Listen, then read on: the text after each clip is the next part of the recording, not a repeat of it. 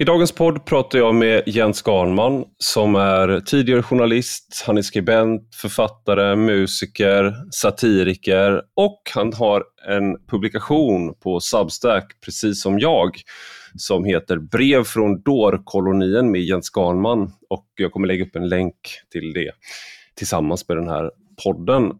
Jag ville prata med Jens för att han hade skrivit en eh, väldigt rolig men också såklart allvarlig eh, serie där han har intervjuat eh, Myndigheten för psykologiskt försvar. Och det finns många frågor där som är intressanta att bena i. Till exempel deras kampanjer. Vad är psykologiskt försvar? Vad sker när eh, en myndighet ska läxa upp eh, journalister om hur de ska arbeta och så vidare. Det är, jag rekommenderar alla att läsa artikelserien. För det behöver man vara betalande prenumerant. Men om man inte vill det kan man såklart lyssna på det här avsnittet också. Vi pratade även om att bli audience captured, som det heter på engelska. Det vill säga att man styrs av förväntningar från sin tänkta publik och avstår vissa ämnen eller frågor på grund av det. Vi pratar om public service. Han har skrivit en bok tillsammans med eh, Aron Flam nyligen som heter Älskade public service. Vi försöker då bena lite i vad kritiken mot public service, var den kommer ifrån. Och vi pratar om det nya medielandskapet där sådana som han och jag plötsligt är makthavare som man kanske behöver ta hänsyn till som eh, Myndigheten för eh, psykologiskt försvar till exempel. Nu till dagens gäst. Du lyssnar på Rak Höger med mig, Ivar Arpi.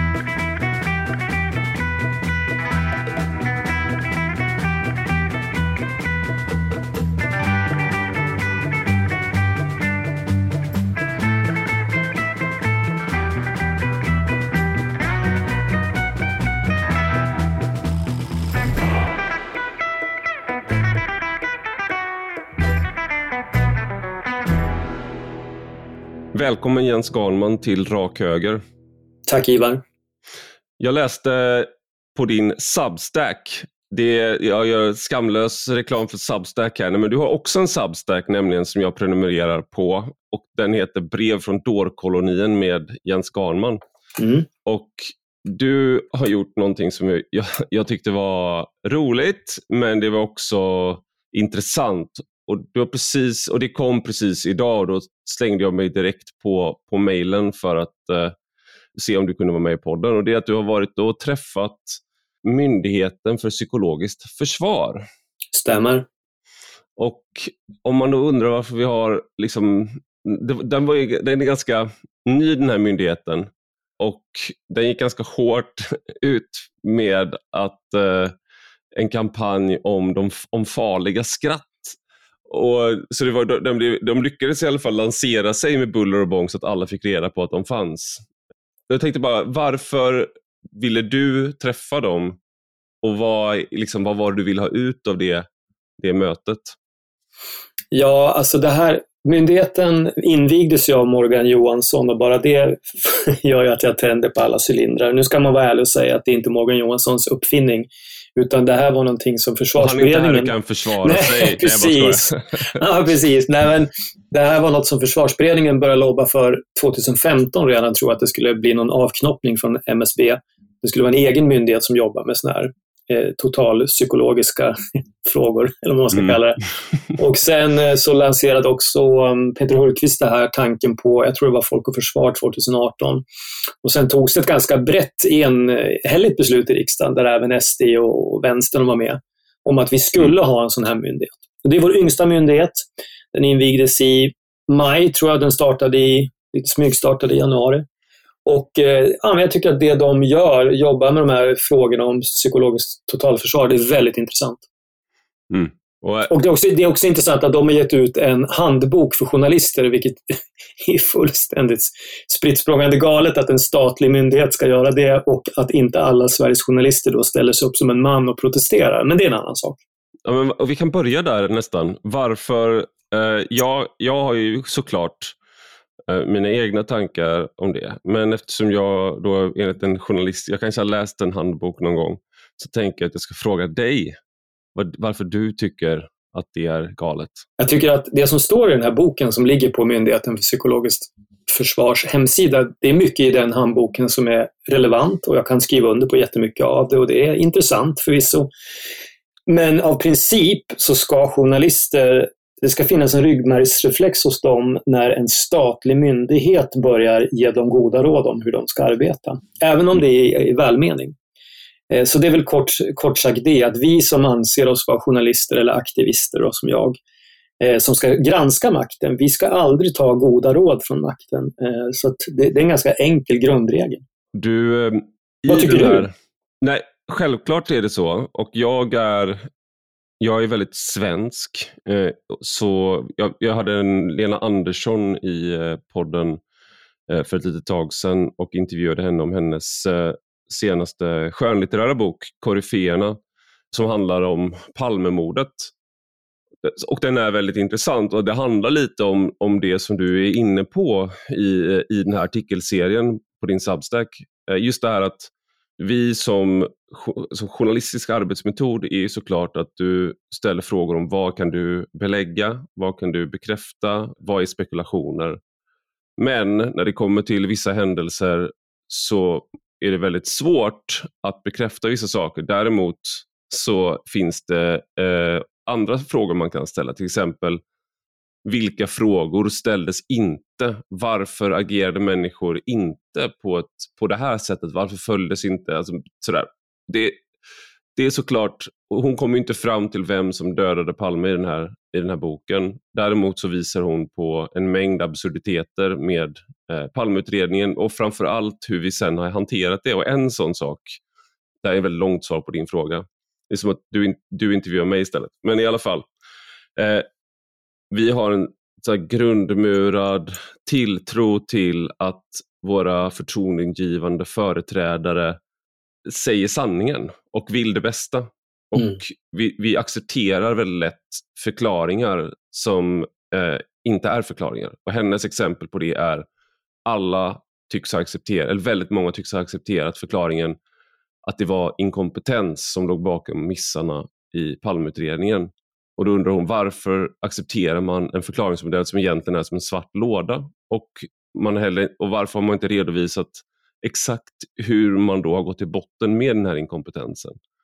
Och det där menar jag då att jag är svensk, att jag har en hela tiden en tendens till att tro på statliga aktörer på ett sätt som i USA eller i, jag vet inte, Italien, Sicilien, alltså så här, det hade fram, eller, eller Ryssland för den delen, hade framstått som eh, ofattbart naivt och kanske till och med självskadebeteende att alltid tro på myndigheter alltid tro på att liksom, människorna med eh, kostym och slips och, som ser ut, som står på en scen eh, och håller en presskonferens, att de försöker det bästa, de vill det bästa och säger sanningen.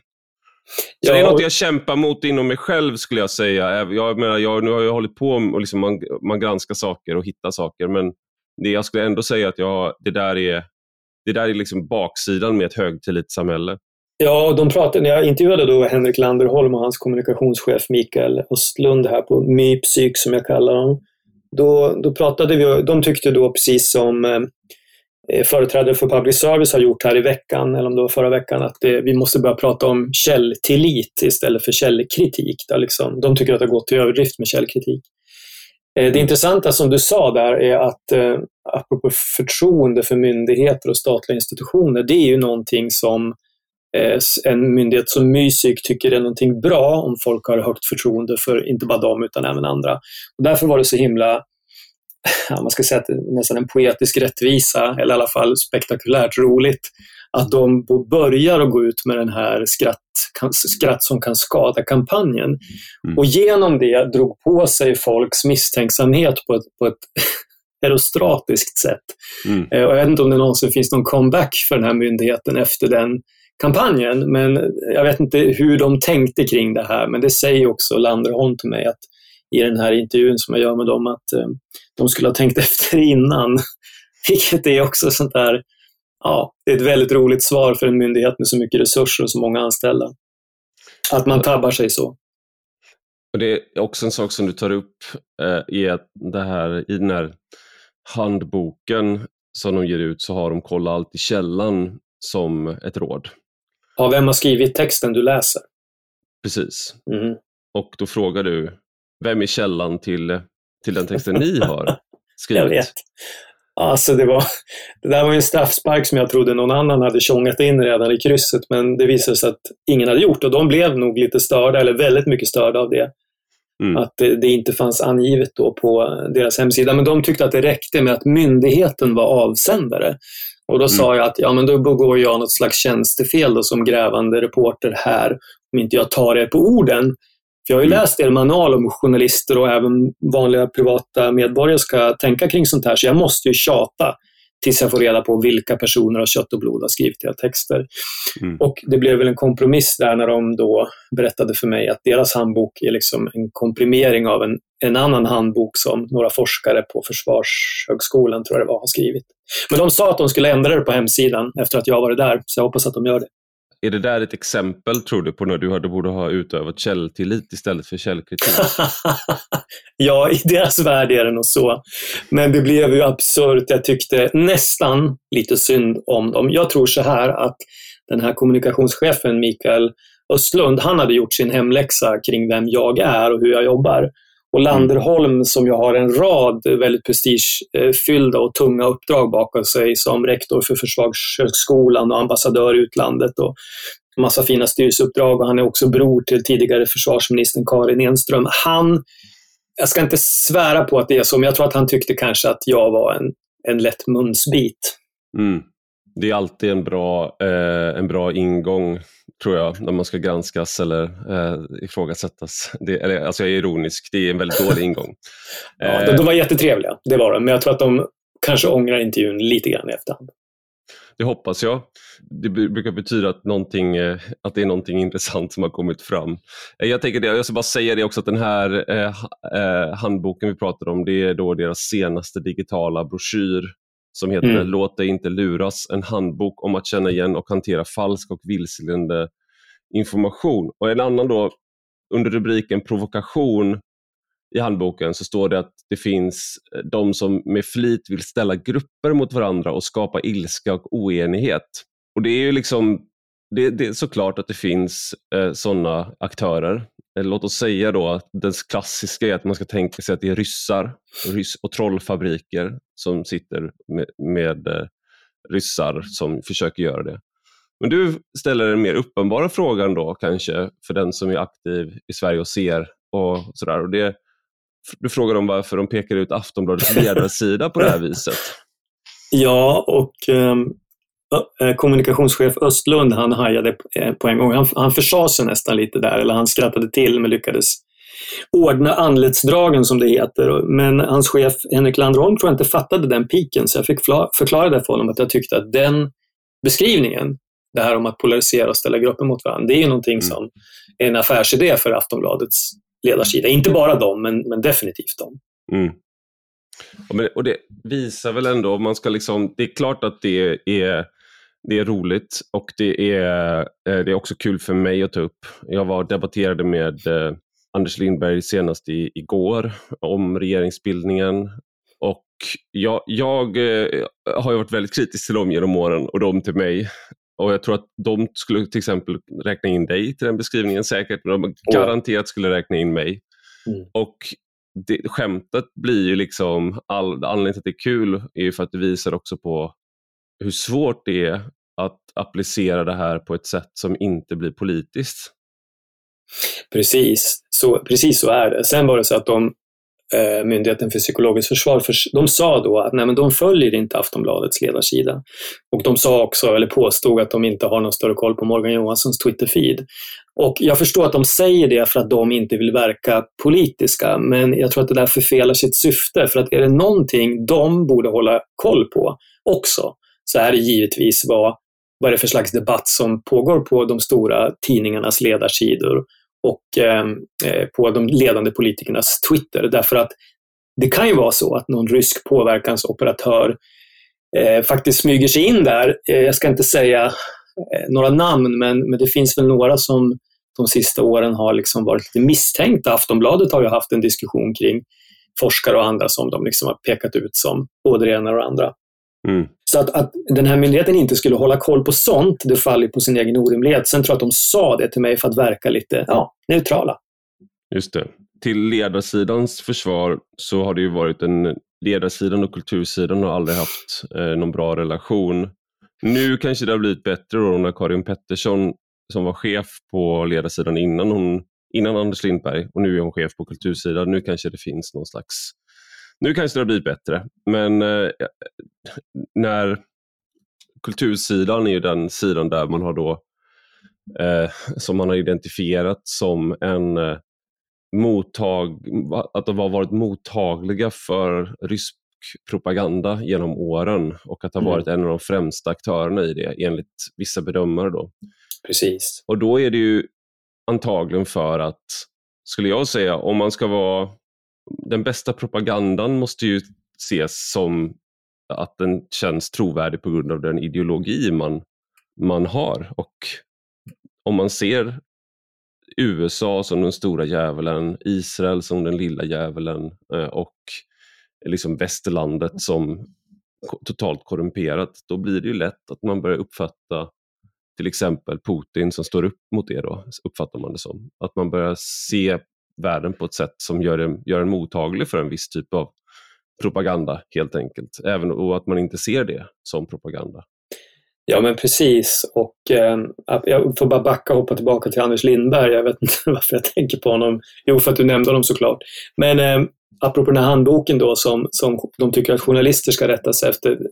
När jag läste den då såg jag framför mig en scen ur The Simpsons. Eh, jag kommer inte ihåg exakt sammanhang men det är att, att, eh, jag tror att det är Principal Skinner som erbjuder eleverna på skolan där att man kan operera in ett chip under huden så att han kan hålla koll på vart alla är hela tiden. Och den enda då som vill göra det, det är den här klassens driftkucku, Martin Prince, som är liksom pluggisen. Han mm. sätter sig längst fram och så ser man att han har redan opererat in ett sånt där chip som, som blippar under huden på och då tänker jag, då tänker jag så här, eh, av journalisterna i Sverige, den som först läste den där handboken för journalister, utskickad av ett statligt verk, det var förmodligen Anders Lindberg och han, han har nog memorerat allt som står i den. Ja, vilket mycket är bra, ja, det måste man ändå säga.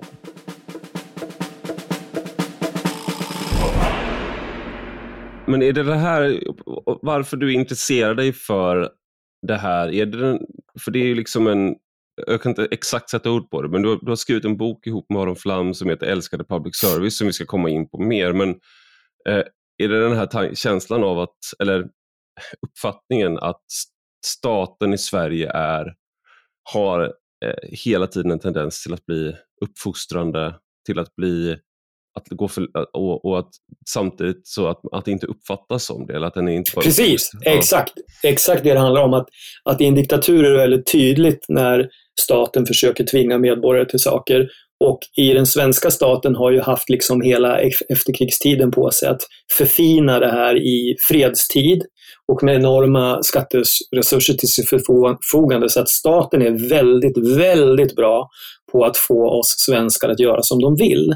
Och eh, det måste finnas vid varje givet tillfälle en liten klick människor i ett land som, som säger emot. Det är, inte, det är inte sunt om det inte finns människor som gör det. Och Det var också därför som jag och Aron Flam skrev vår bok när vi upptäckte att ja, det var typ Timbro som hade gett ut någon rapport om public service som ingen hade läst. Och de har hållit på sedan 1920-talet och sänt radio och så 30 år senare TV. Så ett, ett, sekel. Och det borde finnas en uppsjö av kritisk litteratur mot public service oavsett om man tycker det är bra eller dåligt.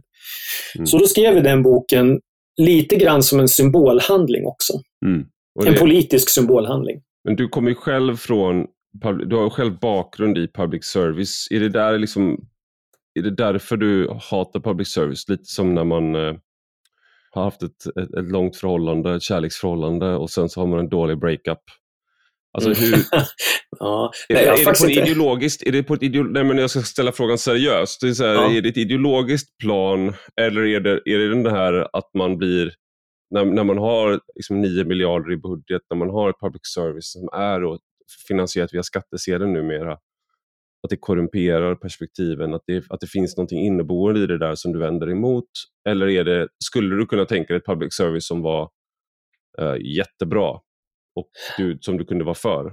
Mm, ja, ja, både och. Alltså inneboende, det är väl det som är svaret, korta svaret, att det är något inneboende. Jag kan tänka mig ett mycket, ett kraftigt bantat public service som faktiskt gör vissa bra saker. Eh, Aron är väl mer att han vill lägga ner det rakt av. Mm. Men jag har inte haft någon bad breakup med SVT eller SR, utan jag började frilansa åt dem på, på slutet på 80-talet och nu senast har jag jobbat åt Svenska nyheter en sväng. Eh, mm. och jag har, liksom, det är inte någon som har kastat ut mig eller förbjudit mig att medverka på något sätt. Tvärtom så tror jag att de ibland använder mig som ett alibi. Att de kan liksom säga, ja men titta till och med en sån stolle som Jens får vara med. Så då, då är vi ju liksom breda och alla röster får höras. Men, eh, nej, men jag tycker att det är nog kanske ideologiskt och eh, eh det, det, måste finnas de som säger emot en så stor propagandamaskin med, med 4 000 anställda, 8,5 miljarder per, per år i budget. Det är helt astronomiska summor. Och det vore helt sjukt om ingen sa emot dem någon gång på ett mm. mer vad ska man säga, organiserat sätt. Jag upplever det när jag debatterar, jag, jag kommer vara med i en Battle of Ideas heter det, så jag ska åka till, till London och, och vara, vilket känns otroligt fancy för mig. Jag har inte varit utomlands sedan jag var i Helsingfors 2015 tror jag. Jag vet inte ens om det räknas att vara utomlands när man är storsvensk. Mm. Eh, nej men, eh, men jag var där i alla fall för tre år sedan när de var i Stockholm och då debatterade jag public service med, med företrädare för public service. Och då, jag uppfattar väldigt ofta, Jan Helin var en av dem, jag har uppfattat mycket kritik som, som hur man, när man formulerar kritik så uppfattas man på något sätt som extrem att det är ett hot mot demokratin. Man hamnar väldigt snabbt i att man är ett hot mot demokratin och det blir väldigt snabbt en diskussion om att man har problem med journalistik per se. Mm, är det, delar precis. du den upplevelsen? Exakt så är det. De vill liksom att man ska framstå som något jävla dårjon för att man säger emot den här gigantiska apparaten. Och det är en taktik de har, att få sådana som dig och mig att framstå som som eh, isolerade rättshaverister. Det är också därför de alltid använder sig av den här tekniken, att de bjuder in en åt gången. Mm. Eh, och så bjuder de in eh, två av sina kompisar som är vänster och så är programledaren också vänster. Och då framstår ju du per liksom, automatik som att du, folk som tittar och lyssnar tror att jaha, de har bara lyckats skrämma fram en person som har den här eh, åsikten som går på tvärsen mot public service. Och det måste spegla att det är så ute i samhället också, vilket det inte är. Så sådana som du och jag måste tyvärr ta på oss den otacksamma rollen att säga emot dem. Eh, men att, ja, som du säger, deras taktik är ju då att, att via någon slags eh, strawman argument få det att framstå som att då är man liksom emot all form av god journalistik eller granskning. Alltså det blir jättekonstigt. Men det är mm. rätt effektivt. Det, det är det och en annan det är den här dubbelheten för att jag, jag har högt förtroende för en hel del public service-journalister som jag tycker gör ett bra jobb. Eh, men jag har, eh, jag vill, liksom, skulle vilja krympa. Jag tycker att de, det, är liksom, det är en otroligt stor organisation och det är en absurd budget för det de gör. jag kan tycka att det fyller sin funktion till exempel med lokalbevakning där det är svårt att få en marknadsmässighet. Eh, jag, jag, det finns, man kan gå ner på väldigt liksom detaljnivå vad gäller public service och jag skulle kunna uttala mig om jag har olika preferenser och bedömningar jag har och sådär. Men det finns ju så mycket med det här när man har, eh, man har ju såklart, och det har ju garanterat du, att man har källor på insidan som ger en interiörer för hur man ska få igenom helt rimliga idéer. Liksom. Mm. Man ska undersöka saker, man ska granska eh, självklarheter eh, som uppfattas som självklarheter, men det inte är det. Eh, och då när de vill granska det så stöter på patrull, det tar, måste dras i långbänk och, och att det är otroligt trögrörligt har varit eh, på många redaktioner där. Och vissa, vissa frågor, när man har lyft till exempel om mångfald, allt det som har med identitetspolitik, det vi kallar wokeism idag, hur, hur, svårt det har varit att lyfta kritiska röster, eh, eh, eller för kritiska röster att, att höras där inne och att det har varit riskfyllt också. Och, och det där är ju någonting som är, när det sker på en, på en, en tidning är det ett problem, alltså det är ett problem i hela journalistkåren såklart, men det är ett större problem när det är en så, så dominerande aktör som är drabbad av, av eh, grupptänk och jag, jag, vet, här tror jag kanske du och jag har lite olika ås åsikter, men jag tror ju många gånger att min uppfattning är att de, är, de har svårt att veta när man kritiserar dem om man gör det i god tro eller om man gör det för att man vill så att säga dem illa eller någon grupp illa. Så att säga att när jag har varit i debatter om mångfald eller eh, genus och kvotering och sånt där så uppfattar jag det som att de vet, kan inte bestämma sig för om jag faktiskt är seriös i min kritik eller om jag vill göra en politisk poäng från någon slags, jag vet inte, ytterhögerhåll eller något sånt där, som mm. de uppfattar det. Hur, Precis, hur, ja. ja hur, tro, tror du liksom att de, när, när du kritiserar dem, hur uppfattar du att liksom, hur uppfattas du i det? Kan de höra vad du säger eller ser de så att säga någon med horn framför sig? Alltså, de, du gick ju själv lite i samma fälla för en stund sedan, för du sa ju det att, att, att jag hatar public service och det är vad de, de tror också att jag gör. Absolut inte. Jag menar, hat är ett väldigt starkt ord. ord eh, så jag hatar inte dem, men jag tycker att de är extremt problematiska och blir mer och mer problematiska. Det intressanta med det är att för en månad sedan då tyckte vänstern inte att det här med public service var något större problem. Sen grep Ulf Hitlersson makten i någon slags statskupp. Och då jävlar blev public service ett problem. Då mm. debatteras det fortfarande nästan varje dag på alla tidningar och överallt att ja, men det här är, vad händer om SD får inflytande? Och sen lyckades över public service. Då, då, och det är precis det jag och Aron Flam har ganska länge debatterat om, för döva öron. Och, och, det är väl logiskt på ett sätt att ingen lyssnade då, för ett halvår sedan när vi pratade om det här, för då var det ju inga problem. Då hade ju liksom de rödgröna makten och trodde kanske att de skulle ha det efter valet också. Sen lyckades ju Jan Schärman försäga sig på ett ett magnifikt sätt i Aftonbladet här för två veckor sedan. Han skrev en artikel eh, till public service försvar och varnade för att nu, nu var det fara och färde, för nu skulle SD då via eh, stiftelsens styrelse och eh, bolagsstyrelserna i de tre public service-bolagen kunna påverka public service. Och det är mm. väldigt intressant att han fäster det svart på vitt, för att fram till det så har vi fått lära oss att det är vattentäta skott genom den här fantastiskt sin, snillrika konstruktionen med en stiftelse som ska liksom vara som en buffert mellan politiken och eh, public service. Men tydligen så var inte den lösningen så jävla vattentät eftersom han, Skärman då skriver att det går ett citat rakt rör från en sån som Linus Bylund i stiftelsens stift, eh, styrelse in i public service-huset. Mm. Och, och, det har han rätt i. Jag ger honom ju rätt där, men det är inte bara från, från en sån som Linus Bylund, utan alla de nominerade medlemmarna i stiftelsens styrelse eh, och eh, liksom andra, ja det sker ju kompistillsättningar i den där världen också. Det är klart att det är ett jävla problem att det är väldigt lätt att påverka public service bakvägen. Mm. Det, det blir ju en, eh, det speglar lite det här när man pratar om eh, akademisk frihet och kulturens frihet, sånt där, att folk är så oroliga för att Sverigedemokraterna nu ska få inflytande. För att de vet att de har, vi har ju redan regleringsbrev, styrdokument, tillsättningar som eh, är till för att ha en viss politisk färg, även om man kanske själva uppfattar det som att man har att det har att göra med mänskliga rättigheter eller, eller liknande. Men du har formulerat uppdrag så att du ska ha med vissa perspektiv, du ska ha tillgodose vissa intressen, det ska fungera på ett visst sätt. Och då nu när det blir en ny regering då så är man orolig att Sverigedemokraterna kommer att använda precis samma eh, verktyg som man själv har använt i alla år. Exakt. Och så säger man att nu är friheten hotad. Exakt. Men friheten är inte hotad, utan friheten fanns inte där. Utan, så det är snarare handlar om hur kommer man, hur kommer man nu, eh, vad kommer man vidta för åtgärder? Vidta för åtgärder, kommer man förbättra friheten? Eh, eller kommer man eh, göra någonting som kanske är dåligt på ett annat sätt? Som jag Vilken, ser när du säger frihet nu, vad menar du då? Friheten, förbättra friheten för vem? Att...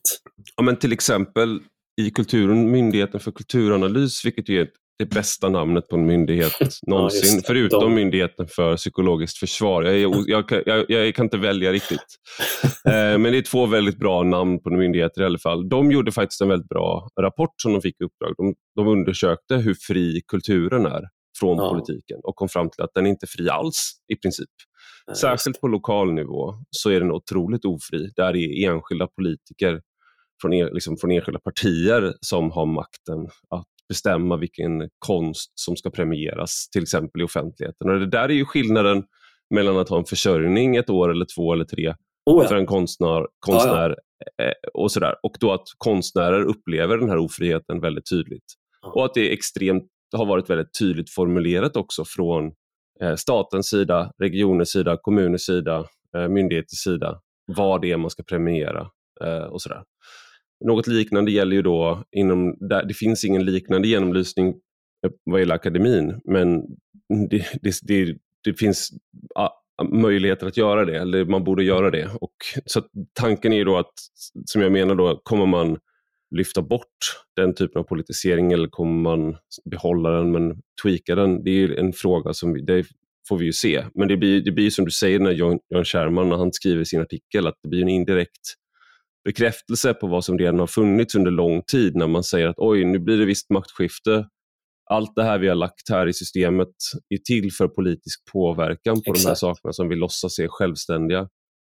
Fast det var, en, det var ingen indirekt. Han, han, han skrev Nej. det rakt ut. Alltså det ja. går ett rakt rör, citat, mellan Linus Bylund och public service. Liksom. Han menar att nu, nu är det fritt fram för SD att påverka public service. Mm. Men eh, det är lite, jag måste hoppa tillbaka till namnet Myndigheten för psykologiskt försvar. Jag såg när jag gjorde lite research där att psyko, jag tror psykologtidningen, eh, det finns någon som heter Psykologtidningen, det är väl en sån här förbundstidning för psyk psykologer i Sverige. De hade också intervjuat dem och konstaterade att de fick dem att erkänna att det var ingen som jobbade där som hade en utbildning i psykologi. Det är jävligt roligt eh, när de döper sin myndighet att de sysslar med psykologiskt försvar. Och så är det ingen som har läst psykologi. Det är så här underbart. Men hur har de jag förstår, det ligger ju rätt i tiden det här med fake news och man, det är så här, mm, att, att det är påverkansoperationer från Ryssland och och, och man pratar om alla de här, liksom, det här exemplet de tog upp när det var skratt som kan skada, det var den här parodivideon från 2013 där Ryssland drev med svenskt försvar. Och jag skrattade, jag tyckte den var kul. Så det var ju liksom, då har jag på något sätt skadat eh, svensk, svenska intressen genom att skratta då.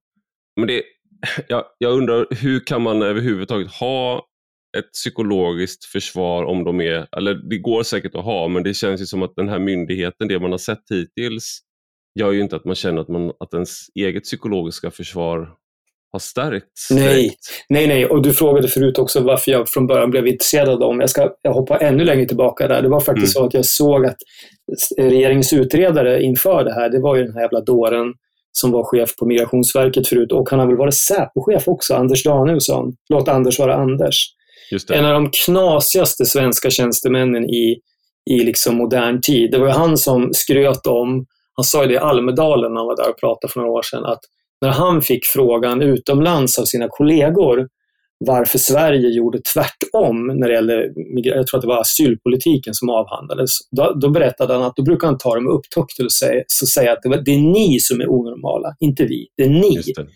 Och jag menar, han är ju, jag vet inte hur man ska hur man ska etikettera en sån. Jag kallar, han är en stolle helt enkelt. För, för mig är det en stolle och att ge en sån stolle ett uppdrag att utreda om vi behöver en, en sån här myndighet, då kände jag att ja, men den ska jag ha ögonen på. Och det mm. visar sig tyvärr för dem då att de lite grann på en gång besannade mina farhågor med den här fullständigt vettlösa skratt som kan skada kampanjen. Som de drog tillbaka och som man inte längre kan hitta på deras hemsida. Precis, men som alla vet så finns det något som heter Wayback Machine där du kan hitta oh ja. allas, alla sidor som har legat på nätet ja, ungefär. Så den som vill skada eh, Sverige kan gå in och kolla på den kampanjen och skratta. Det jag tänker är också, kände du dig så att säga träffad av den här kampanjen? Jag menar, no, ja. Oh ja, det gjorde jag. Du kallar ju dig inte journalist längre, du gjorde det klart för mig, för du, du är akt aktivist. Mm. Men jag tänker, du gör ju satir mm. på och är du då en av dem som försvagar Sverige?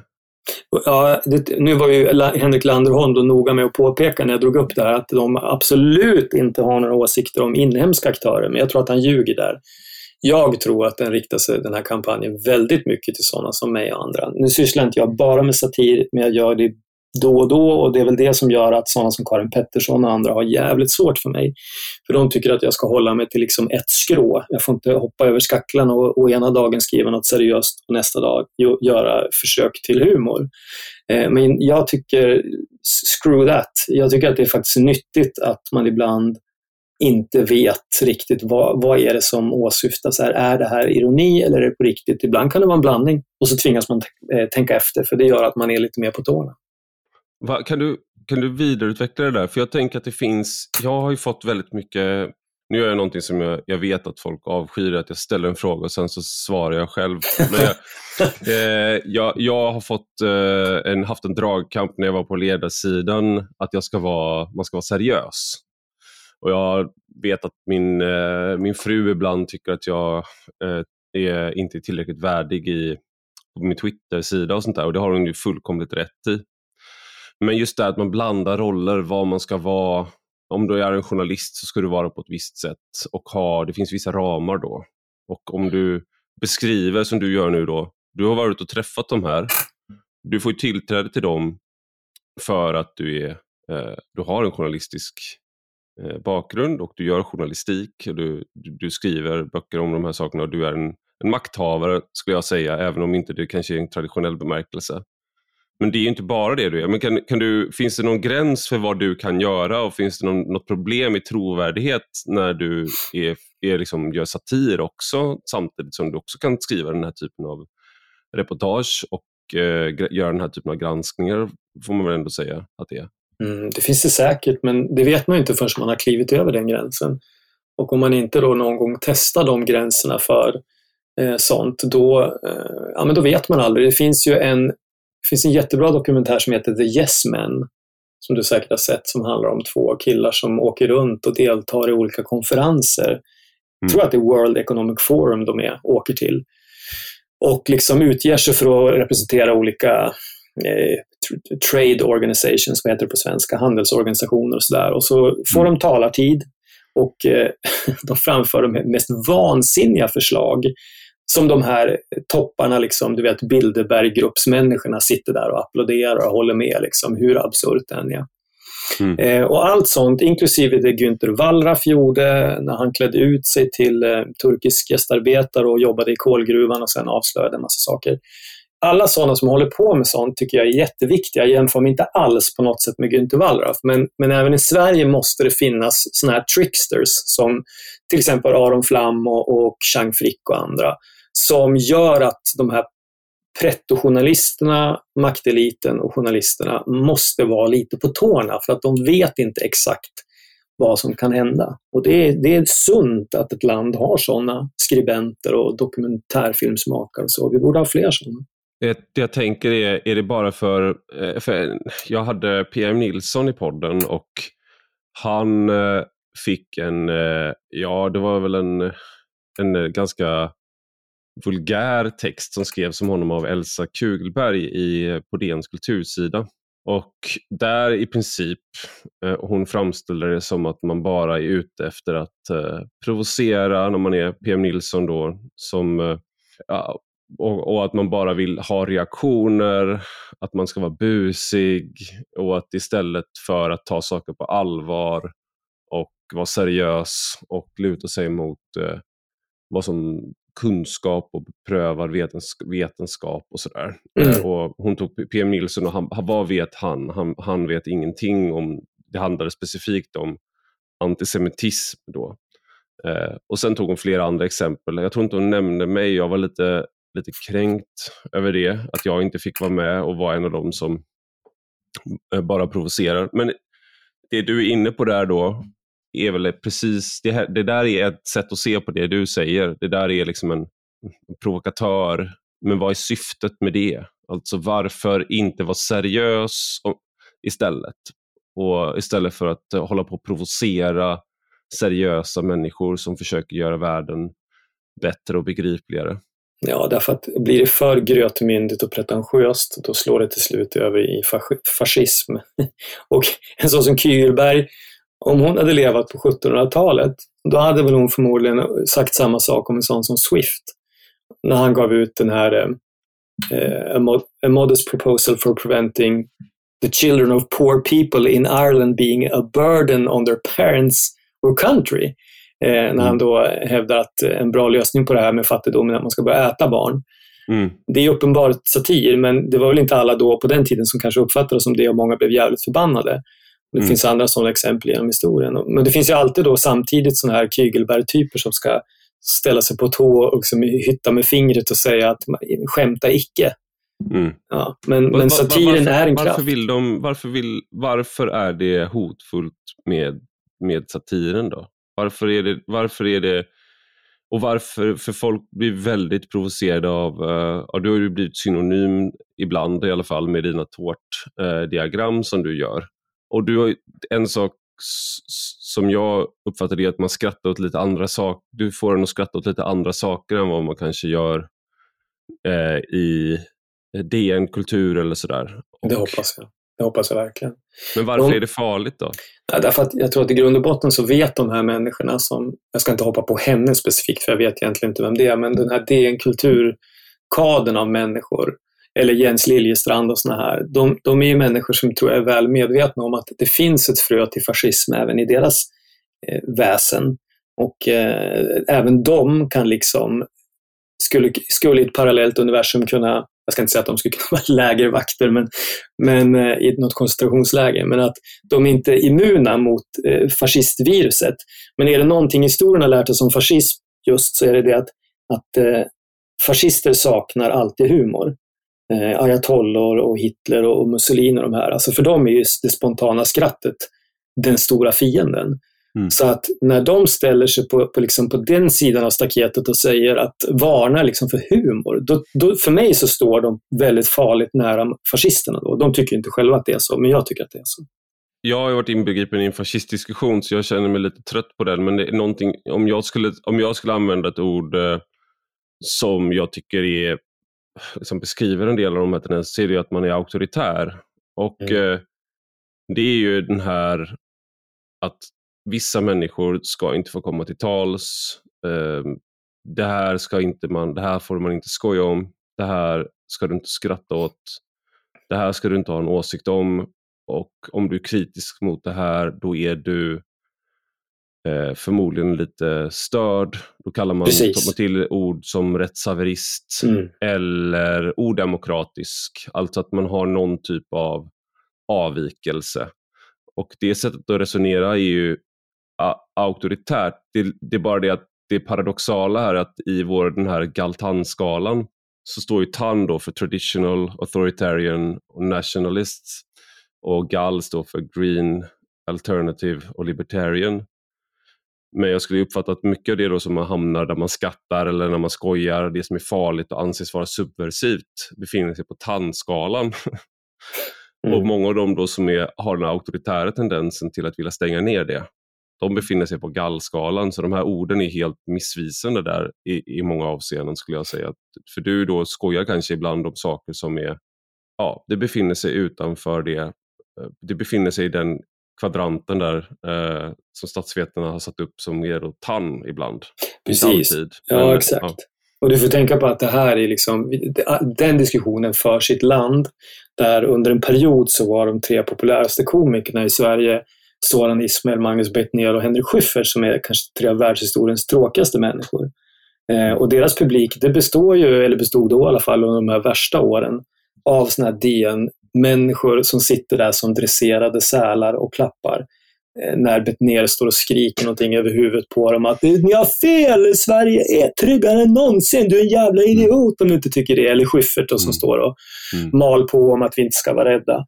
Alltså det, vi, vi bor ur ett satiriskt perspektiv och ett humorperspektiv så bor vi i ett u-land och har gjort det ganska länge nu. Och det är jävligt deprimerande. Jag säger inte att jag är så himla mycket roligare än dem, men jag vågar i alla fall peta på saker som de aldrig petar på. Mm. Eh, jag och några till. Och, och, efter mig så kommer det förhoppningsvis komma sådana som är mycket roligare.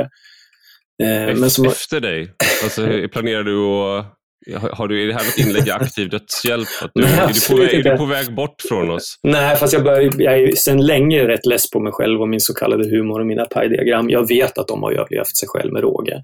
Men de spelar fortfarande en liten roll och det jag gör spelar en liten roll. Men, men eh, till slut så kommer det komma en yngre, friskare generation. Den har redan kommit för övrigt, som är liksom ljusår före mig och de här som jag nämnde nyss när det gäller humor och satir. Jag tror att det finns en ganska god återväxt och det som du säger lite oväntat att, att den inte då kommer från vänster, för vi är vana att de har tolkningsföreträde när det gäller humor. De stora satirikerna var liksom vänstermänniskor, men jag tror inte att det är så längre. Nej, och det, det här, här är ju, apropå Magnus Bettner, så han döds, äh, som jag, jag, tycker ger honom äh, som jag respekterar honom för. Han ställde ju lite dödsföraktande upp i en duell, en roast battle med Fredrik Andersson. Och jag såg den. Fy fan vad och, roligt. Jag kommer spela upp ett klipp här nu då, om där han, Fredrik Andersson låtsas att han har hittat Magnus Betnérs dagbok. 23.00, kan inte sova, grubblar på om mitt hårda ställningstagande i invandringsdebatten har varit fel och om jag kan ha bidragit till att plockat upp en hatisk stämning mot de som har kommit med befogad kritik så pass att de har tystnat. Och Sverige har suttit mer eller mindre handlingsförlamat medan internationella klaner har fått fria händer och breda ut sig mer och mer. Och att en svenskfientlig kultur kunnat ta över så pass att barn rånas och våldtas. Och att jag nu målat in mig i ett hörn och bara kan fortsätta skrika att Jimmy Åkesson är dålig inför en mer och mer tveksam publik. 23 och 15, bajsat. Det var där skon klämde. Han är fruktansvärt tråkig i sin egen dagbok, och sen, men sen drabbas han av en dålig känsla. Och, och, och, och så nu har jag inte citatet exakt framför mig, men ni som lyssnar har, har nu hört det. Men det, det, det är som att han, han bara, jag kanske var fel och jag kanske så här, motarbetade typ en rimlig diskussion genom att eh, genom att påstå att det var tryggare än någonsin och, och, och bränn, hjälpa till att brännmärka alla, all rimlig, alla rimliga kritiker. Sen slutade det då med att eh, 23.00 bajsade, det var där skon klämde. Så självtvivlet var inte problemet. Men han hade lite kniv i stund där, där han tvivlade lite på sig själv. Liksom. Ja, alltså Fredrik Anderssons leverans av den här eh, drapan är ju fantastisk. Och det, många har väl sett den där på TikTok redan och, och ser Betnérs ganska skitnödiga uppsyn när han står där och tvingas lyssna till den här roasten av sig själv. Den är genialisk. Ja, men jag tycker ändå att någonstans så tycker jag också att jag respekterar Magnus. Eh, och jag, jag, jag har väldigt svårt för Magnus Bettner eh, och eh, allting han har, har, har stått för. Och jag tycker framförallt han har inte varit så rolig.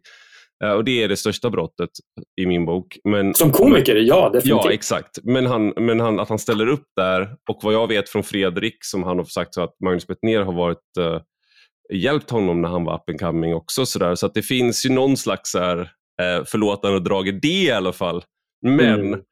det du säger där, han var ju en central figur under en period och när humor blev så att säga uh, farligt och Det här är någonting som jag, jag tänker med, eh, jag har fått den kritiken av eh, Martin Marmgren som var, har varit Miljöpartiets eh, kriminalpolitiska talesperson. Är det han den hållbara snuten? Den hållbara snuten, ja precis. Mm. Och jag, jag, brukar, jag tänker på honom lite, ibland brukar man prata om att SD är ulvar i fårakläder och sånt där. Det är liksom ett uttryck att man har hela tiden. Men han är ett exempel på mod. Han är ett, ett får i ulvakläder för han ser tuff ut han är polis, men han, eh, allting han föreslår är, leder till att saker och ting aldrig kommer lösa sig. Men då tar fram någon som i alla fall looks the part. Han har sina brottaröron, han tränar MMA, han är polis och han är ett får. Eh, men, det, men, han ser ut som en ulv. Aha, okay. ja. Så det är motsatta problemet och det är också ett problem i offentligheten. Ull, folk som går, får i ulvakläder, de ser rediga ut men de är inte det.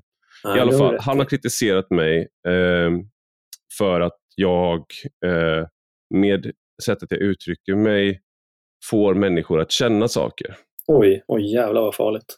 Och eh, det är det han var. Han slutade interagera med mig på Facebook av den anledningen. Nej men gud.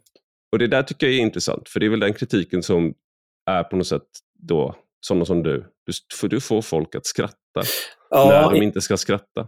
Ja, precis. Om jag någon gång kan få göra det, då, då har jag uppfyllt mitt uppdrag. Men just det du säger det där med känslor, det tog jag också upp när jag var hos Mypsyk och pratade med, med Henrik Landerholm, hans kommunikationschef. För de har också skrivit i en av sina handböcker, om det är den som är för journalister eller för vanliga plebejer som du och jag, Um, Hallå, jag kallar mig journalist. Ja, just det, du är ju för fan journalist. Ja, ja, sorry.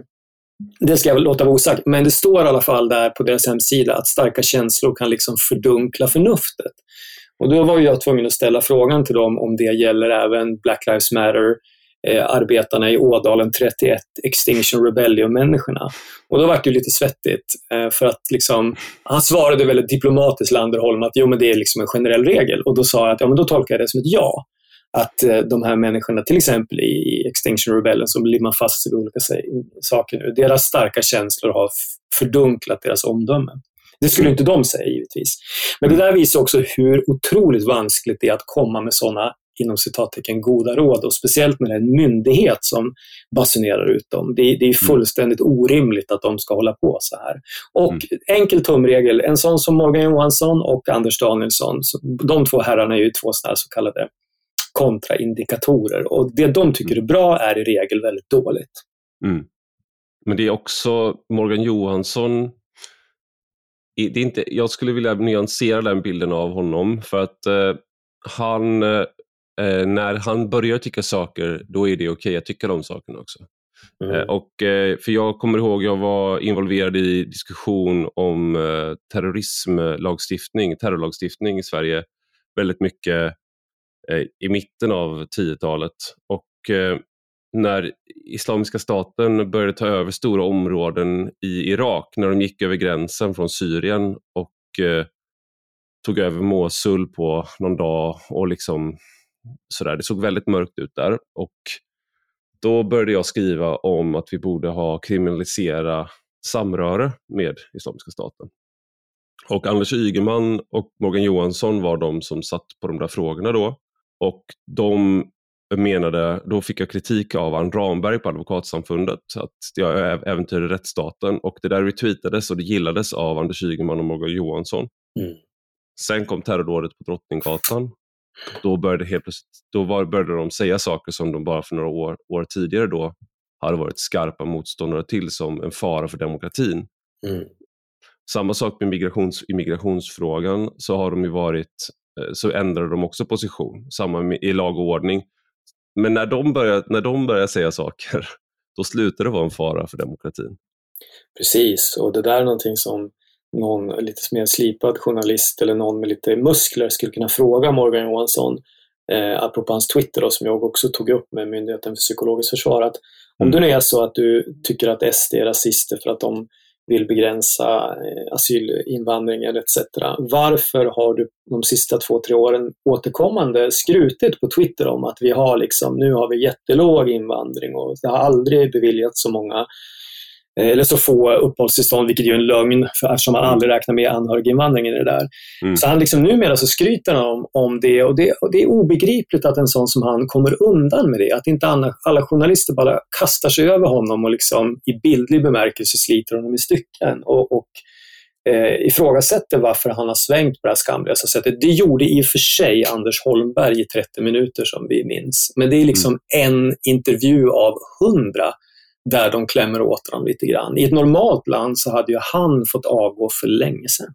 Ja, och det, det, men det, är också en, det finns en djupare aspekt här som jag undrar över och det är att eh, eh, alltså, eh det här psykologiska försvaret antyder ju, om man ska, borra ner, om man ska försöka eh, liksom dekonstruera vad det betyder, så är det ju att vissa konfliktlinjer försvagar nationen och då ska man eh, inte eh, liksom skratta, man ska inte eh, sådär. Men, men det blir ju när du har ministrar som är, då ska på något sätt representera landet, de håller dem vid liv och är eh, lägger mycket tyngd bakom just de här konfliktlinjerna eh, och konflikterna och politiserar, då blir det ju väldigt konstigt att man ska, behöver man ens kolla efter en rysk agent när vi har så att säga ministrar som polariserar, splittrar. Ja. Det, det, blir, det blir en absurditet där som du, som du lyfter fram i den här intervjun tycker jag. Ja, jag frågar dem ju om de håller koll på Morgan Johanssons Twitter och det var ju liksom en det var ju en, en, fråga med en fråga i, liksom. men de fattade mm. inte den utan de, i sin iver att verka neutrala och opolitiska så sa de att nej, men väldigt lite håller de koll på hans Twitter.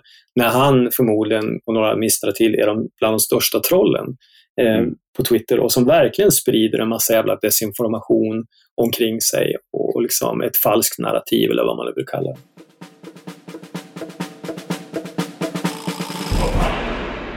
Jag tänker också, vi, vi lever just nu då i en tid när det är väldigt skarpt läge i världen med Ukraina-kriget och Ryssland som verkar i värsta fall utvecklas till ett eh, liksom världens största Nordkorea eh, och i bästa fall eh, slutar att, att Putin-regimen faller på något sätt.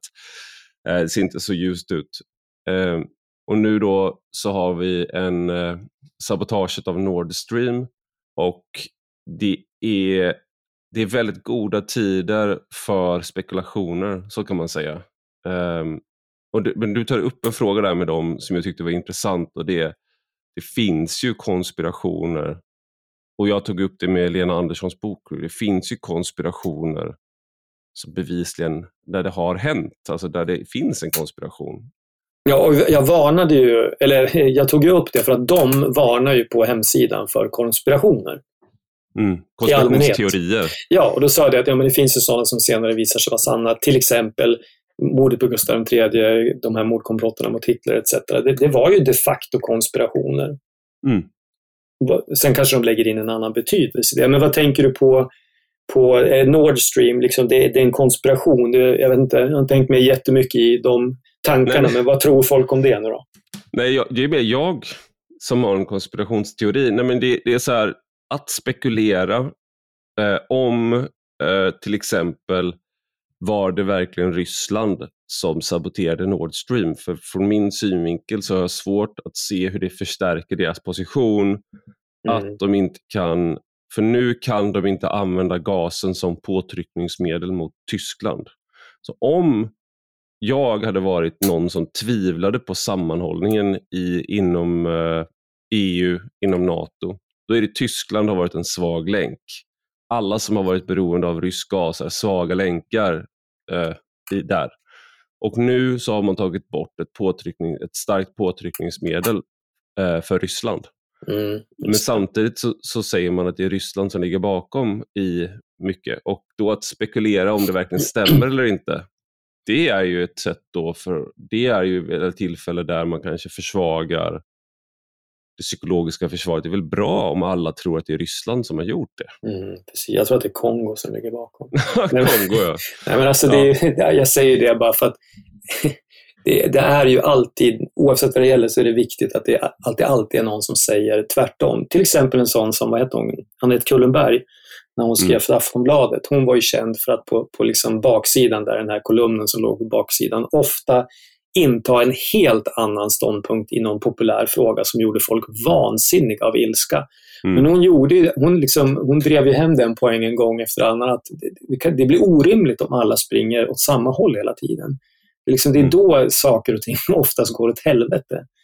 Mm. Eh, alltså, jag vet inte vem som sa det där, never underestimate the madness of, of crowds, eller mm. folk som rör sig liksom ja, apropå på boken han har skrivit, den heter ju också så, eh, Douglas Murray, The Madness of Crowds.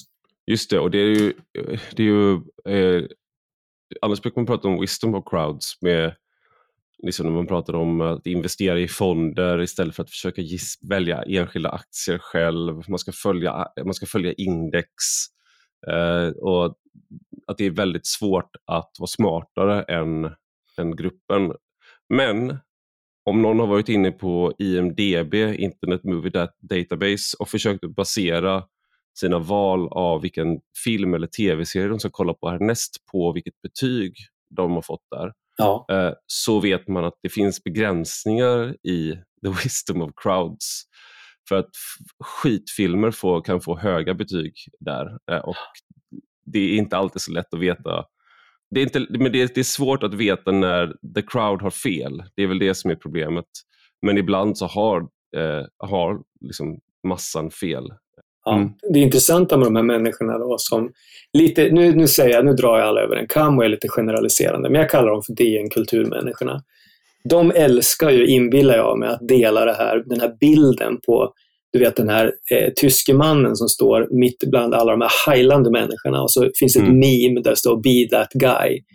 Mm. Och de älskar ju det där att dela, oh, det är sådär man ska men det gäller ju bara, tycker de, när det gäller att man står och heilar. De kan liksom inte mm. tänka sig att det finns andra sammanhang där det kanske är mm. jävligt nyttigt och modigt och bra att man liksom, nej men jag har en annan åsikt, även om den går på tvärsen mot vad Isobel Hadley Camps och fan vad allt de heter tycker.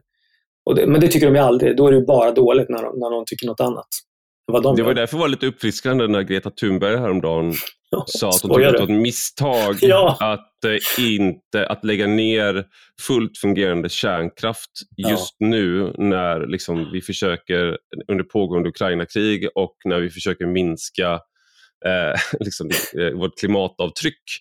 Och det där måste jag uppleva, jag undrar hur många så svekdebatter som pågår internt på olika ställen där man liksom blir förvirrad över hur kan, hur kan vår, eh, vår tids Chandark svika oss på det här sättet? Det roliga där det är att Greta kan ju faktiskt eh, med gott samvete skylla på att ja, men, de här grejerna jag sa för några år sedan, jag var typ 14, jag var ett barn. Vad fan har ni att skylla på?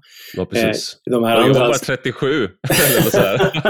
ja, men typ, vad fan ska de, vad ska Liljestrand, Liljestrand kanske inte har hyllat Greta, men han har säkert gjort det. Men sådana som han, vad ska de skylla på? Mm. De kan ju bara säga det att ja, vi, vi höll med den här, det här barnet mot bättre vetande för att det var liksom opportunt att göra det då. Mm. Jag tycker att det här med, jag tycker också, det finns ju en, eh, det finns lägen när, eh, när den här highlande, icke-highlande mannen, när det är själv, alltså man, man själv utmanas av det där. Det var ju bara en ganska ny, alltså att den sensmoralen är, den är svår att leva upp till, tycker jag eh, själv. Till exempel så tyckte jag att det var, folk hade, var väldigt humorlösa när Svenska nyheter gjorde drev med högerkoalitionen och hade Auschwitz Herr, talman. Herr talman. Ja, herr, herr talman menar jag. Mm. Hade, och hade den här Auschwitz arbete ge frihet och de sjöng och sådär. Och jag tyckte att det var jätteroligt. Och jag såg att alla de som är min, liksom, så att säga, min grupp, man ska jag inte vet. tycka att det var kul. Eh, däremot skulle man tycka att det var kul att i samma avsnitt så var ju eh, Magdalena Andersson då, Hitler, i bunkern. Hitler i bunkern. Ja, det var också kul. Jag tyckte också det var kul. Ja. Jag tyckte båda grejerna var kul. Och jag tyckte också skämten när Johan Forsell då, i Herr talman, han ska lära tre sverigedemokrater om hur man är värdig. Liksom. Just det. Drev det. Och eh, Just det, den. räck upp handen om ni har frågor och, och då så gör alla tre gör en Hitlerhälsning. Och då säger jag, okej okay, vi börjar med hur man räcker upp handen. Och det är såklart det är så, det är liksom så vulgärt och det är såklart tröttsamt på många sätt. Jag skrattade jättemycket, jag tyckte det var askul. Eh, och jag inser då, då, det är väl kanske fel läge att vara en icke-high, eftersom jag tar exemplet just din hitterhälsning här. Då. Men det finns läge med det bara att när man då, jag, jag kände ju trycket såklart på Twitter där. Mm. Att jag ser här nu att Johan Romin som jag eh, många gånger tycker är väldigt bra. Eh, han har fått så här, 1500 gilla-markeringar och 700 retweets här, eller någonting på att kritisera det här. Mm. Då är det klart att man upplever ett tryck, för det där är min crowd. Hade det varit motsatt, då hade jag känt bara, då hade jag sett det som en kastad handske.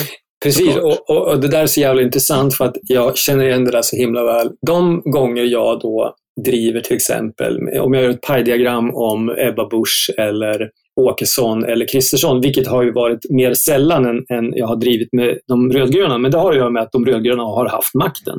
Men jag har ju ändå med jämna mellanrum drivit med högern och då, då händer två saker när jag gör det.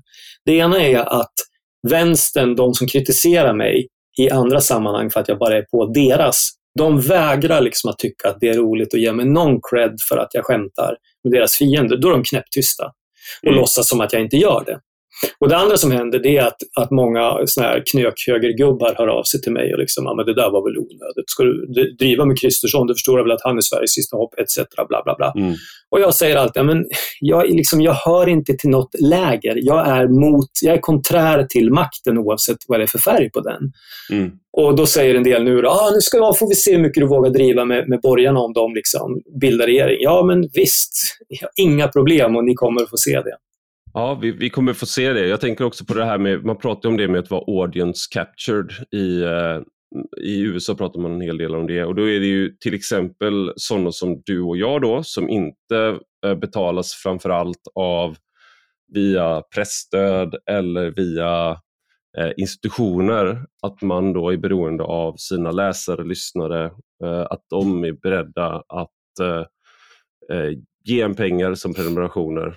Ehm, om det så är med Swish eller via någon annan tjänst är väl egentligen egalt. Men är det där någonting du tänker på då?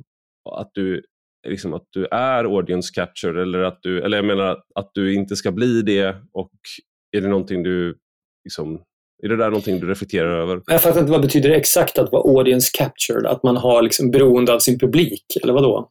Ja, men att till exempel då, jag ska inte namnge någon, men det var någon som, en eh, en svensk eh, politisk eh, person som eh, är som du och jag som sa liksom att men det där vill jag inte lyfta för att då kommer folk, min, min, min publik gillar inte det. Men gud, jag gjorde ju, det gjorde jag för någon månad sedan eh, innan valet, där, strax innan valet gick ut och berättade att jag tänkte rösta på Socialdemokraterna och även varför. Mm. Eh, nu finns det de som tolkade den satiren, måhända adekvat, som ett stycke satir det också. Mm. Eh, men jag, var, jag tyckte jag var väldigt tydlig och skrev liksom att det finns ju bara ett parti som är så jävla ryggradslösa eh, kappvändare och eh, samvetslösa som kan lösa de här problemen vi har i Sverige nu. Och det är ju S liksom, så därför får de min röst. Och ändå var det folk som hörde av sig till mig i dussin och ska, ah, jag säger upp prenumerationen, du kan dra åt helvete, jag trodde bättre om dig. Mm. Och då kände jag så här, ja det är lite jobbigt eh, att många då kanske missförstår eller inte tänker längre än näsan räcker. Men det är också väldigt nyttigt för mig att få höra sånt, för man ska inte tro att, att de som gillar en liksom ska äta ur ens hand hela tiden. Det, då blir man ju full of, you, vad heter det? full of yourself. Mm. Eh, och man får för stort huvud. Så det är nog nyttigt många gånger att råka ut för något sånt där. Och vi som tillhör då i den här lösa sammanhållna gruppen alt-right eller vad jag ska kalla oss. Det är precis som du säger, vi måste ju se upp så inte vi blir grötmyndiga och humorlösa för det går, det går fort. Men vad som sa det, när allt går lätt blir man fort dum. Mm. Och så är det verkligen, även för oss. Inte för att det har varit speciellt lätt, vare sig för dig eller mig många gånger, men men eh, nu är det slags vinden har vänt, säger en del nu. Liksom, kommer det bli andra bullar, men jag är inte så säker på det. Nej, men jag, jag tänker ganska mycket på det att de... Jag hoppas att de som så att säga har valt att prenumerera, att de uppskattar om jag inte alltid säger det som de vill höra för att de uppskattar ens integritet. Det är det jag vill intala mig själv i alla fall. Sen ser jag exempel i USA på till, eh, personer som började som avfällingar från kanske något li liberal vänstersammanhang med liksom ganska liberala åsikter och de tyckte, men de började tvivla på det som sen blev woke-kulturen och sådär och mm. började ifrågasätta. Eh, jag tänker på en person som Dave Rubin till exempel. Och Eller Bill, då, Bill Maher. Ja. Bill Maher eh, och de började utforska de där frågorna och Dave Rubin han var ju då en av de som började, han hade sina intervjuprogram och började intervjua människor och prata och, och sådär. Och nu så skulle jag säga att han är, eh, han är han är återkommande gäst hos Tucker Carlson. Han är en del av den högen som han kanske tidigare stod mellan höger och vänster. Men var han som kom från Young Turks eller? Ja, det kanske det var. Ja, jag tror han började. Men, och det där är, jag har, liksom, jag har inte kollat på honom på länge, men det finns en sån eh, utmaning när man då kanske lämnar en, en kontext för att utmana saker som man uppfattar konsensustänk och sen så att man eh, hamnar på ett, en ganska bekväm position själv. Och då som du säger blir eh, lat eller tjock i hjärnan. Ja, eller försäger sig som han gjorde häromdagen. Vad heter han? Inte Sam Harris. Vad heter han som pratar så fort? Eh, och som är liksom, ja men du vet vem jag menar. Han, eh, ben, ben Shapiro? Eh, nej, är det, är det Ben Shapiro? Han som pratar med ganska ljus röst och pratar så jävla fort hela tiden. Han, Jag tror att det är han, men jag vet inte om det är han du menar, men han pratar Ja. väldigt fort. Han pratar dub minst dubbelt så snabbt som jag. Ja, det är väl han. Han har ju någon sån här jätte-YouTube-kanal med typ 10 miljoner följare och han hamnade ju bråk med någon, en liten så här, gnabbades lite med någon hos just Bill Maher häromkvällen. Och då drog han till med att liksom, ja men vadå, säg vad du vill, jag går hem och sover på min bädd av, i min säng gjord av pengar. Och då Mm. var det många som bara, men du, för det första är det många som inte går hem och somnar i en, säng av pengar i dessa tider. Mm. Och eh, liksom, är det det, eh, håller du på med det här, eh, alla våra, vi som prenumererar på dina YouTube-klipp och sådär, är det för att du ska ha en säng av pengar, även om det var bildligt menat? Och det tycker jag är ett typexempel på någon som passerar utan att de märker själva gränsen från att vara lite så här underdog, tycker de själva då, till Mm. att plötsligt bli så här superetablissemang och kan kläcka ur sig sådana där saker som är så bortkopplade från de flesta människors verklighet. Han försökte vara rolig, jag fattar det. Ja. Och han försökte trycka till sin motståndare, men det, det landade väldigt fel. Och det ska du och jag också tänka på, Iver, att en dag så kanske vi säger något sånt där om att vi sover på en, en säng och swishpengar och då är det slut. Just det. Då är det kört. Den dagen, ja det Då står är det långt kört. borta, väldigt långt borta. Men Problemet för mig är att liksom, så fort det börjar gå lite bättre för mig så skaffar jag ett barn till.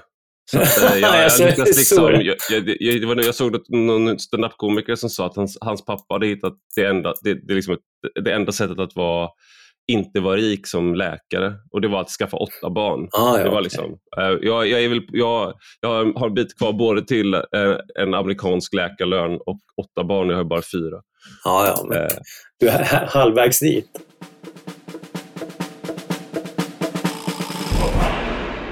Men det är intressant det här med underdog-perspektivet för att någon skulle väl ändå säga att vi är makthavare. Du är en makthavare. Jag är en Mm. makthavare. Jag är ju för guds skull, jag är som en, eh, som vissa säger att jag är som Göran Greid, högens Göran Greider ibland när jag har varit med i public service. Eh, att jag har varit med så mycket i, ibland. Eh, och då är man ju, även om jag inte har någon anställning och jag är helt eh, liksom försörjd av så att säga att folk vill prenumerera på det jag gör, så är man ju någon typ av makthavare, bara, bara det att man är en ny typ av eh, makthavare. Men hur, liksom, hur får du ihop det där med ditt underdog-perspektiv, eller går det? Nej, det, i längden gör det inte det. För förr eller senare så kommer man ju passera den där osynliga gränsen när man har gått från att vara kanske på riktigt någon slags oberoende röst och underdog till att bli en del av etablissemanget. Det är ju liksom oundvikligt, speciellt när man blir äldre och äldre. Men jag tog Mm. också upp den frågan med Myndigheten för psykologiskt försvar, hur de liksom orienterade sig i det här nya medielandskapet. Och det, var, det tycker jag var nästan mer graverande, deras svar där, än när de sa att de inte lyssnade, eller läste Aftonbladets eh, ledarsida och lyssnade, eller kollade Morgan Johanssons Twitter. Eh, när de sa att de inte hade koll på de här, jag nämnde då några stora poddar, tyvärr glömde jag nämna din, jag tog upp Jag, god, jag noterade Det var att, inte med flit. att du inte nämnde mig. Nej, jag vet. Det kanske du ska vara jävligt glad för på ett sätt. Men jag nämnde typ God ton, Sista måltiden och de här andra. Och de Ja, såg ju dekonstruktiv kritik, Dekonstruktiv och, dial- kritik, och dialogiskt också. dialogiskt. De fyra tog jag som exempel. Mm.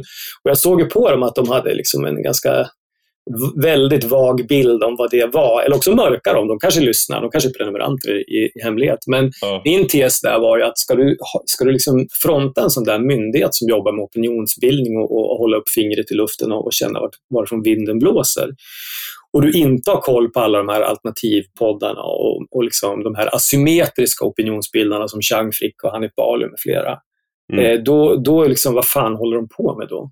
Mm. De ska ju göra både och.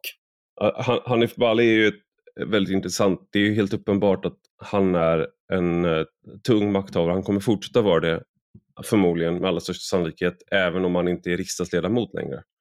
Eh, I och med att han har eh, i och med sin Twitter-närvaro, sin podd och vad han nu härnäst kommer att göra. mer. Expressen, han skriver ju för fan på Expressen. Expe- ja, exakt, han skrev, men jag skulle ändå hävda att hans genomslag i Expressen är, det, det kommer finnas där, men det kommer, bara, det kommer vara ett komplement till hans övriga genomslag och de kommer såklart ge varandra näring, precis som att hans, eh, folk har följt honom delvis för att han har varit riksdagsledamot också. Eh, och nu så kanske det inte är lika viktigt längre eftersom han inte är det.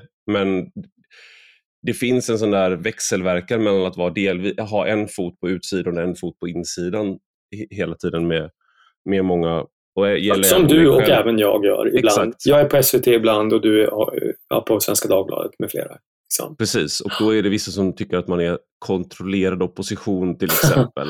Okej. Och att man, är en, eh, att man, är, eh, man inte är eh, tillräckligt mycket oppos- oppositionell och sådär. Ehm, Jag skulle ändå, jag skulle ändå säga att man, man, jag tror att man kan bevara den här eh, attityden, men den, det är som du säger, det är svårare när man blir, om man blir en del av etablissemanget. Jag tycker dock Socialdemokraterna är ett bra exempel på att de har lyckats med eh, att vara både vara underdog och makt och äga så att säga, staten i 70 år. Ja, de har de demonstrerat, de- de, har, Ja, har demonstrerar mot sig själva varje första Exakt. maj. Ja, det är ett de- konststycke. Ja, och jag, tycker, jag, jag, jag tillhör de som tycker att det är, eh, är inspirerande, för, eller det, bara, det är så makt fungerar, tror jag. Mm. Det är som kyrkan, så, så, du har en, kristendomen bygger på martyrskap, att vara ett offer, att lida, att vara fattig. Det bygger på väldigt många sådana saker som eh, har att göra med att du är de, lägst, de lägsta i samhället. Men samtidigt så har du då en kyrka som är hierarkiskt uppbyggd med otroligt mycket makt och som äger mycket mark och har vackra kyrkor. Alltså så här, det, det, är en, det är en dubbelhet i det där som är helt, egentligen borde vara omöjlig. Men Har det är du sett det där, sett det där memet på påven? När han, han sitter, en bild på påven och så sitter, står han, eller han sitter och håller det här gyllene korset han brukar ha. Eh, och så står det under så här, eh, pray for the, nej, vad fan är det? Så det är någonting med starving children. Pray for the starving children while I hold this golden cross eller sånt där. Och det är så jäkla effektivt. Men en, en grej som är intressant med alla de här människorna vi pratar om nu, eller offentligheten och underdog-perspektivet, är att numera så går det liksom att bli totalt skandaliserad som Hanif Bali blev. Mm. Eh, och även rektor Hamid och Soran Ismail och Fredrik Virtanen och Paolo Roberto och några till. Eh, och numera tack vare det här alternativa medielandskapet och framförallt de här poddarna så går det liksom att smyga in i, offentligheten igen bakvägen. Och plötsligt ser, är man tillbaka, vilket de här som jag nämnde nu alla lite är, tack vare Mm. egna poddar och medverkan i andras poddar. Och för typ 20 år sedan bara då, om du hade blivit skandaliserad, enda sättet att liksom komma tillbaka och få syndernas förlåtelse, det var att du var medverkad i ett stort program som Stina Dabrowski eller något sånt där, som, ja, som. Ebbe, Ebbe Carlsson gjorde när han gick ut och berättade att han hade blivit smittad av HIV. Mm. Och nu så är det liksom det här, det, var, det sa jag också till den här Myndigheten för psykologiskt försvar, att det finns ju inga regler längre i, i det nya medielandskapet. Och det höll de med om, men jag tror att de skulle behöva låta i alla fall 10 av sina 50 anställda bara jobba med den biten av medielandskapet och försöka förstå den. Nu ska inte jag ge några tips här, för jag tycker att de inte borde finnas, men De kanske borde anställa dig. nej, absolut inte. Gud förbjude. Ställföreträdande underdog, Jens Ja, men typ. Tror du mina fans skulle, skulle gilla det? Ja, där, kan, man- okej, där, där kan man kanske prata om att det är bra att vara lite audience captured. Att man är lite mer in, inkännande på, på vad det är för kontrakt man har med sina läsare och lyssnare. Eh, men jag tänker på det med just det du säger i intervjun där med dem, till dem och det du är inne på nu, det är just det att ing, det, som gammelmedia och myndigheter får aldrig sista ordet. Och det Ja, att de tog ner den här kampanjen eh, med eh, det farliga skrattet. Just Eh, det är ju i sig, det hade de inte behövt göra för 20 år sedan. Hur Nej, skulle de de göra det? Då hade Ja. de, ska de kalla tillbaka broschyrerna de har skickat ut? För så var det ju då. Men nu så är det alltid så att du skriver en text i tidningen och sen så fortsätter diskussionen utanför din kontroll och du kan bara se det ske. Och du kan inte, det är väldigt svårt att styra tolkningar av ens text på Twitter, Facebook. Ja, men Eh, exakt. Och jag är så förvånad att ingen av deras yngre anställda på den här myndigheten, när de satt och liksom gick igenom den här broschyren Skra- Skratt som kan skada, där de tog upp till exempel roliga kattmemes som ett exempel i något sammanhang. Och innan Mm. de tjongade ut den här, att det inte var någon som sa så här, som hade sinnesnärvaro nog att säga, men du Henrik, till GDn då, Henrik Landholm, du fattar väl att den här kampanjen och den här framsidan på den här digitala broschyren, det kommer ju bli som den där broschyren Du som är gift med ett barn, som eh, var det Länssocialstyrelsen som gav ut den. Mm. Eh, de, de kommer att föda tusentals memes. Liksom. De kommer Mm. att göra sig roliga på vår bekostnad och, och det här kommer att bli liksom som en sån här hydra. Du hugger huvudet av ett meme så växer ut två nya. Mm. Men uppenbarligen så var det ingen på den här myndigheten som vågade pipa till och säga det, liksom, att det här, det här kommer inte funka. Det hade funkat, som du sa nyss själv, för 20-30 år sedan, men inte idag. Mm. Och Det här är också hur makt fungerar idag, tänker jag, att vi någonstans eh, jag vet inte om du, du, du är skyldig till det här, men någonstans så finns det ofta en förväntan hos människor att de här myndigheterna ska vara väldigt kompetenta samtidigt som förutsättningarna för att vara så kompetenta och allsmäktiga och allvetande inte finns där längre. Antagligen har de aldrig funnits där. Men man har ändå en sån förväntan att det borde vara bättre. Det borde vara som det var förr i tiden när man hade myndigheter som visste vad de gjorde. Ja, eller public service. Eller public service. Och min, min åsikt är att förmodligen så visste de inte vad de gjorde då heller, men det samtalet som nu syns överallt och den här, för, liksom, den här kritiska granskningen som pågår i realtid, ett kritiskt samtal eh, om den här typen av myndighetskommunikation till exempel, eh, den syntes inte då, så att man märkte inte inkompetens på det sättet. Jag menar, men att, jag undrar där, hur, hur ser du på det? Alltså, är, förväntar vi oss samtidigt för mycket av liksom, staten samtidigt som vi, alltså att vi vill att de ska vara bättre än vad de kan vara? Mm, ja, alltså när de, när de brassar på med så många anställda och så stor budget och liksom så fina lokaler som Myndigheten för psykologiskt försvar har, då förväntar jag mig, då liksom, de tar verkligen höjd. Det är ingen skitmyndighet med typ, inte fan vet jag, trafikanalyserna, men de är säkert jättemånga de också. Men, men, eh, men du har ju rätt i det där du säger, att det, det är nästan det är hart när omöjligt att göra rätt numera. Det vet du själv hur det blev när, när det läckte ut de här inspelningarna från Bulletin. Liksom. Det, det vart ju mm underhållning i realtid och det är klart att ni inte ville det och det är klart att Myndigheten för psykologiskt försvar inte ville att jag egentligen skulle komma och göra det här reportaget om dem, men de fattar åtminstone att det är värre att bara blåneka och säga nej till mm. mig. Och det här är den här Idag allting granskas, alla granskas, alla skrattar och om man inte vill att folk ska göra det då krävs det ganska mycket repression. Och även då så är det svårt att få till. Jag tänker på Iran nu, att det hela tiden kommer den här typen av eh, Arabiska våren var ett exempel på det också, där folk organiserade sig via Facebook till stor del mm. eh, och Twitter. Och, eh, så även i auktoritära samhällen så är det svårt idag. Jag tror 1984, som det här med liksom det här, den typen av storebrorssamhälle som skildras där, är det, det, finns många saker i den betraktelsen som var träffande om den tidens totalitära ideologier och de samhällen som Sovjet och, och sådär. Men jag tror att det är väldigt, det är mycket, mycket svårare idag att, ja, att lyckas med den. Även om, man ha, även om man skulle vilja lyckas med den nivån av repression som är där, så är det svårt att lyckas. Det finns en, o, en, oba, en, eh, o, otrygghet, eller vad säger man, en, eh, ostadighet i, i våra system idag för att folk är så uppkopplade mot varandra hela tiden. Att du vet aldrig när någonting sticker iväg och blir en jättegrej.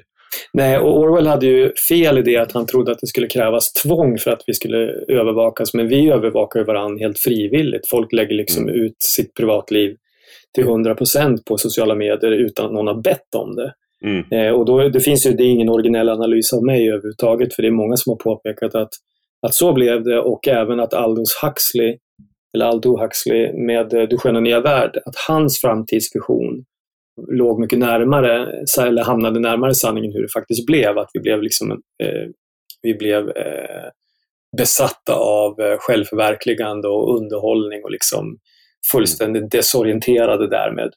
Där vi är nu med, när alla sitter och hänger med näsan i mobiltelefonerna dygnet runt. Och det där är också, det var kul, de hade faktiskt rätt på Fahrenheit 451.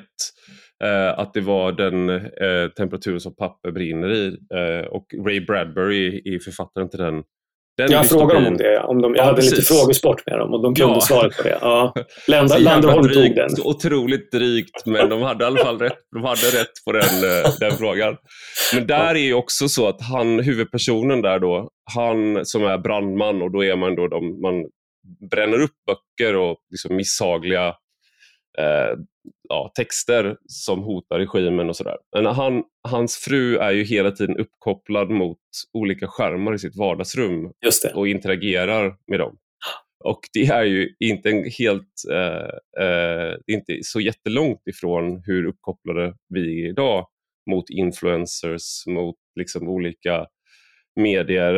Eh, så det finns ju någonting i de där. Jag tror också att den, de framtidsvisionerna, dystopierna, ligger närmare i hur, hur, var vi faktiskt befinner oss. Det är inte, problemet är inte att vi kommer bli kontrollerade av en totalitär stat. Problemet är att vi kommer inte ens behöva bli det. Nej, men det Orwell hade rätt i, eller flera detaljer, men en, en speciell grej jag tänkte på slutet, han, han pratade om face crime i 1984, att du har fel ansiktsuttryck. Mm. Och eh, det är ju någonting jag har sett på slutet nu, att folk får kritik för att de har liksom tittat på fel sätt på folk eller kränkt någon genom att göra en konstig grimas. Och sånt där. Och det är, liksom, det är mm. face crime rakt av. Det är exakt det Orwell beskriver. Sen så det här som, när folk skrattar åt de här collagen av Biden, har du sett det nu? Det folk klipper ihop eh, så här, när Biden gör bort sig och säger konstiga saker. Mm. Eh, det gjordes i och för sig med Trump också. Det är också en grej som vi hittade 1984 för att där börjar ju alla i är det Oceanen det heter, där de bor? Eller? Ja. Nej, de är i krig med Oceanen och bor i... Ja, de är krig med Oceanen, just det. Ja, och så bor de i, ja du vet, Eurasien ja. eller hur det är. Ja. Och där, alla som bor där, de, som jobbar på sanningsministeriet, de börjar ju varje morgon med two minutes of hate. Och då sitter de framför en stor skärm och så skriker de ut sitt hat mot den här figuren. Golds, Goldstein heter han väl, som är liksom samhällets fiende nummer ett. Mm. Och, och, jag får lite rysningar när jag ser folk, hur de sitter och liksom skrik, skrattar och svär åt både sådana här Trump-collage och åt Biden-collage. För det är exakt det som Orwell mm. beskriver i 1984. Exakt det. Mm.